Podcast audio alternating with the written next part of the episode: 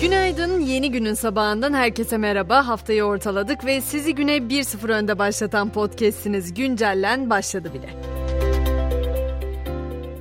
Okumanın cezalandırıldığı tek ülke miyiz? Soru bu.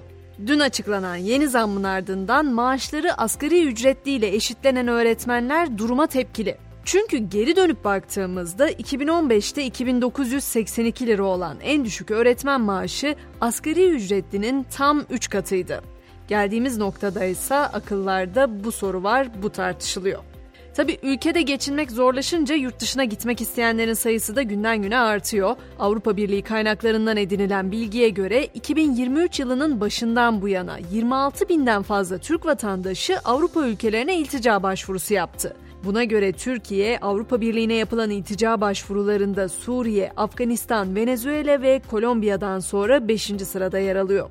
Ülkedeki ekonomik duruma ilişkin uluslararası kuruluşlardan da tahminler var. Mesela Kredi Derecelendirme Kuruluşu Moody's raporunda Merkez Bankası'nın politika faizini mevduat faizlerine yaklaştırarak %25 ila 30 seviyesine çekmesini beklediğini belirtti.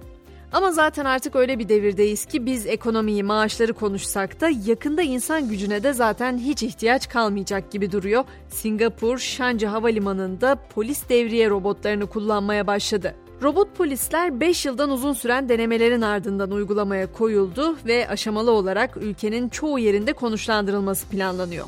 İngiltere'de ise bir proje kapsamında su kirliliği yapay zeka ile önceden tahmin edilecek. Proje kapsamında nehir ve arazilere yaklaşık 50 sensör yerleştirilecek. Yapay zeka toplanan verileri yerel arazi kullanımına ilişkin uydu görüntüleriyle birleştirerek yerel nehir sisteminin kirliliğe en açık olduğu zamanları tahmin edecek.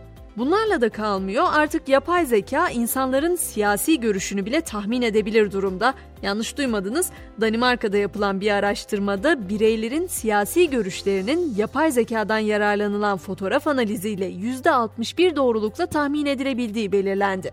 Söz konusu araştırmada yapay zekanın insan davranışlarını taklit ederek öğrenme kapasitesine sahip olduğu derin öğrenme yönteminden faydalanılmış.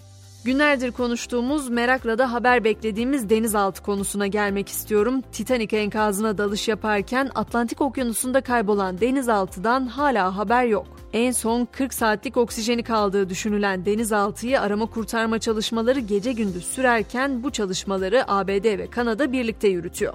Her geçen yıl etkilerini biraz daha fazla hissettiğimiz küresel ısınma konusunda ise doğa bizi uyarmayı adeta sürdürüyor. Uluslararası Entegre Dağ Geliştirme Merkezi tarafından hazırlanan rapora göre Himalaya buzullarının 2010 yılından bu yana hızla erimesi bölgede yaşayan yaklaşık 2 milyar kişinin tatlı su kaynağına erişimini olumsuz etkileyecek.